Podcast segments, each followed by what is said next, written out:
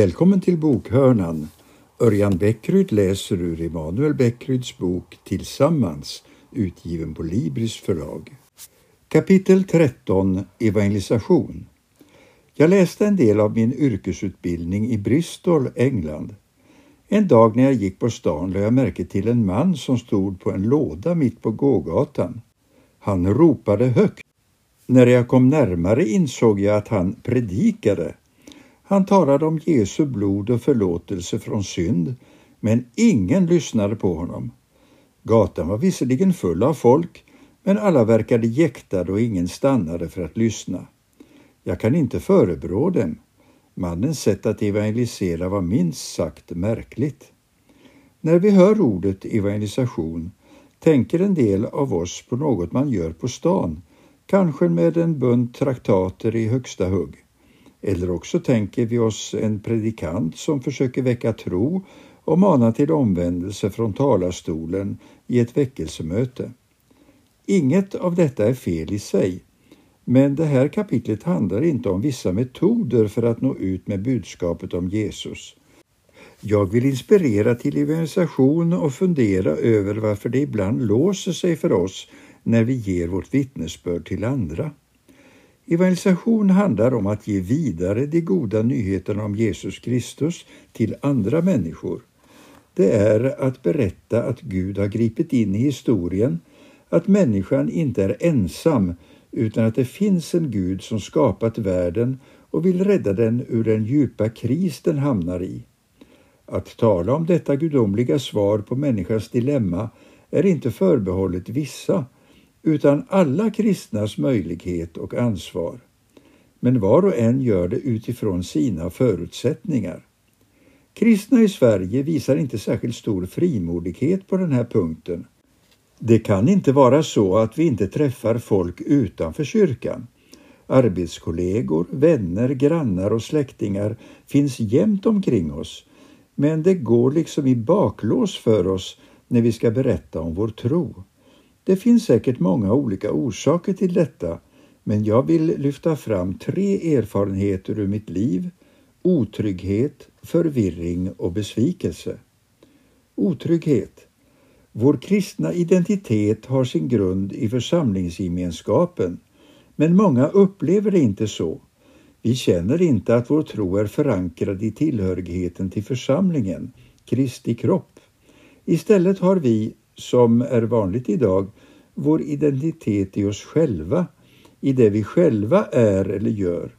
Individualismens gift flyter i våra blodådror. När vi presenterar oss säger vi vad vi jobbar med, men inte vilken kristen gemenskap vi tillhör. Detta är ett symptom på att vi var och en har vår identitet i det vi själva är och åstadkommer. Trosgemenskapen spelar inte så stor roll. Det finns alltså en skillnad mellan hur det objektivt är att min identitet som kristen finns i Kristi kropp och hur vi upplever det att jag erfarenhetsmässigt har min identitet i mig själv. Detta skapar en identitetskris inom oss. Vad innebär det egentligen att vara kristen? Vem är jag bakom alla roller jag spelar? En sådan osäker identitet gör dig också andligt otrygg. Vad kan du egentligen säga om din tro? Det är svårt att naturligt berätta om sin tro om man inte är trygg. Min erfarenhet är att församlingstillhörigheten kan öppna upp för samtal i vardagen. Vad gjorde du i helgen? frågar arbetskollegan. Inget särskilt, tog det bara lugnt, svarar jag. Men så var det ju inte. Jag var i kyrkan, men det säger jag ingenting om. Bollen är upplagd för smash, men jag låter den passera. Tänk om jag istället sa som det var, att jag var i kyrkan och upplevde Guds närhet i lovsång, predikan och förbön. Men jag tiger om det som betyder allt mer och mer för mig. Varför är jag rädd för att säga som det är? Kanske för att jag inte är tillräckligt trygg i det faktum att jag tillhör Kristi kropp. Dessutom vill jag vara respektabel. Jag vill inte störa min arbetskollega med berättelser om andliga erfarenheter som jag inte vet hur han kommer att reagera på. Förmodligen är jag inte ensam om denna försagdhet. Även andra kristna verkar vara hämmade på detta område. Vi lider av en blygsel för Jesus. Prata om andlighet i allmänhet går an, men när det kommer till personliga erfarenheter från möten med Jesus tystnar vi. Förvirring. Att bli kristen är inte att köpa en paketlösning för ett problemfritt liv. En lärjunges väg är varken enkel eller rak. Det är inte lätt att leva i samklang med Guds stora berättelse. Guds son blev missförstådd, förföljd och torterad till döds och vi är kallade att följa i hans fotspår. Som invånare i ett konsumtionssamhälle är vi vana att tänka i konsumtionstermer.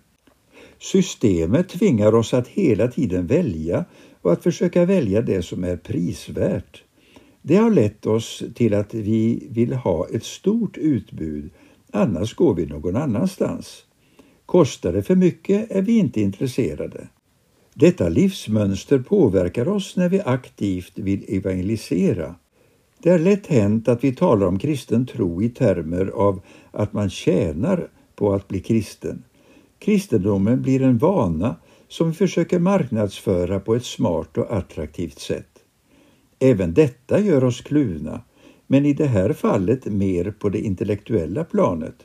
Vi vet ju att det kristna livet inte är en dans på rosor, men samtidigt har vi svårt att presentera vår tro på något annat sätt än det här och det här får du om du vill bli kristen. Vi talar alltså om vår tro på ett sätt som vi mer eller mindre vet inte är trovärdigt och därför hämmas vi. Vi vet inte hur vi egentligen ska tala om kristen tro inför andra. Vi är intellektuellt förvirrade. Vi behöver lära oss att offentligt och enskilt presentera vår tro på ett trovärdigt sätt. Vår evangelisation får inte vara inriktad på att tillfredsställa andliga konsumtionsbehov. Uppgiften är inte att göra det enkelt för folk att bli kristna. Det är en falsk föreställning. Jesus själv sa att vägen är smal och porten är trång. Vårt uppdrag är att säga som det är. Säga att livsvägen med Jesus är smal. Säga att det ibland är jobbigt att följa Jesus och framförallt att vara äkta och sann. Det är ett förhållningssätt som kanske låter kontraproduktivt men vår tro är mycket större än en smart livsåskådning som ger snabbt välbefinnande. Det innebär inte att vi ska strunta i att vara begripliga och intressanta. Att vara sökarvänlig innebär att man framställer evangeliet på ett sätt som folk kan förstå utan att trivialisera eller tumma på budskapet. Kärnan är inte att du vinner på att bli kristen utan att Jesus Kristus är Herre. Sökarvänlighet och öppenhet är inte detsamma som konsumtionsorienterad marknadsföring. Besvikelse. Vi är alltså kluvna utifrån såväl vår känsla, vi är otrygga, som vårt förstånd, vi är förvirrade. Men vi är även kluvna på ett tredje område, andlig erfarenhet, det som numera allmänt kallas för spiritualitet. Kristen spiritualitet handlar om bön och andra andliga discipliner. I mitt sammanhang betonas en spiritualitet som handlar om att leva i Guds närvaro i vardagen. Spiritualitet rymmer mystik och goda andliga vanor som att vi fastar, deltar i söndagens gudstjänst, ber bordsbön och ger tid till gemenskap i cellgruppen i församlingen. Det handlar om ett liv i bön, ett liv inför Guds ansikte. Men de flesta kristna lever inte så. Vi lever i ett höghastighetssamhälle som sätter käppar i hjulet för kristen spiritualitet. Vi hinner inte be, vi får inte ro och vi orkar inte med så mycket cellgruppsgemenskap. Konsekvensen blir att vi i praktiken lever som om Gud inte fanns. Gud finns i våra teorier om verkligheten men inte i vardagens praktiska rutiner och rytm. Vi tror att Gud finns och vill ha gemenskap med oss men det blir ett gap mellan teori och praktik.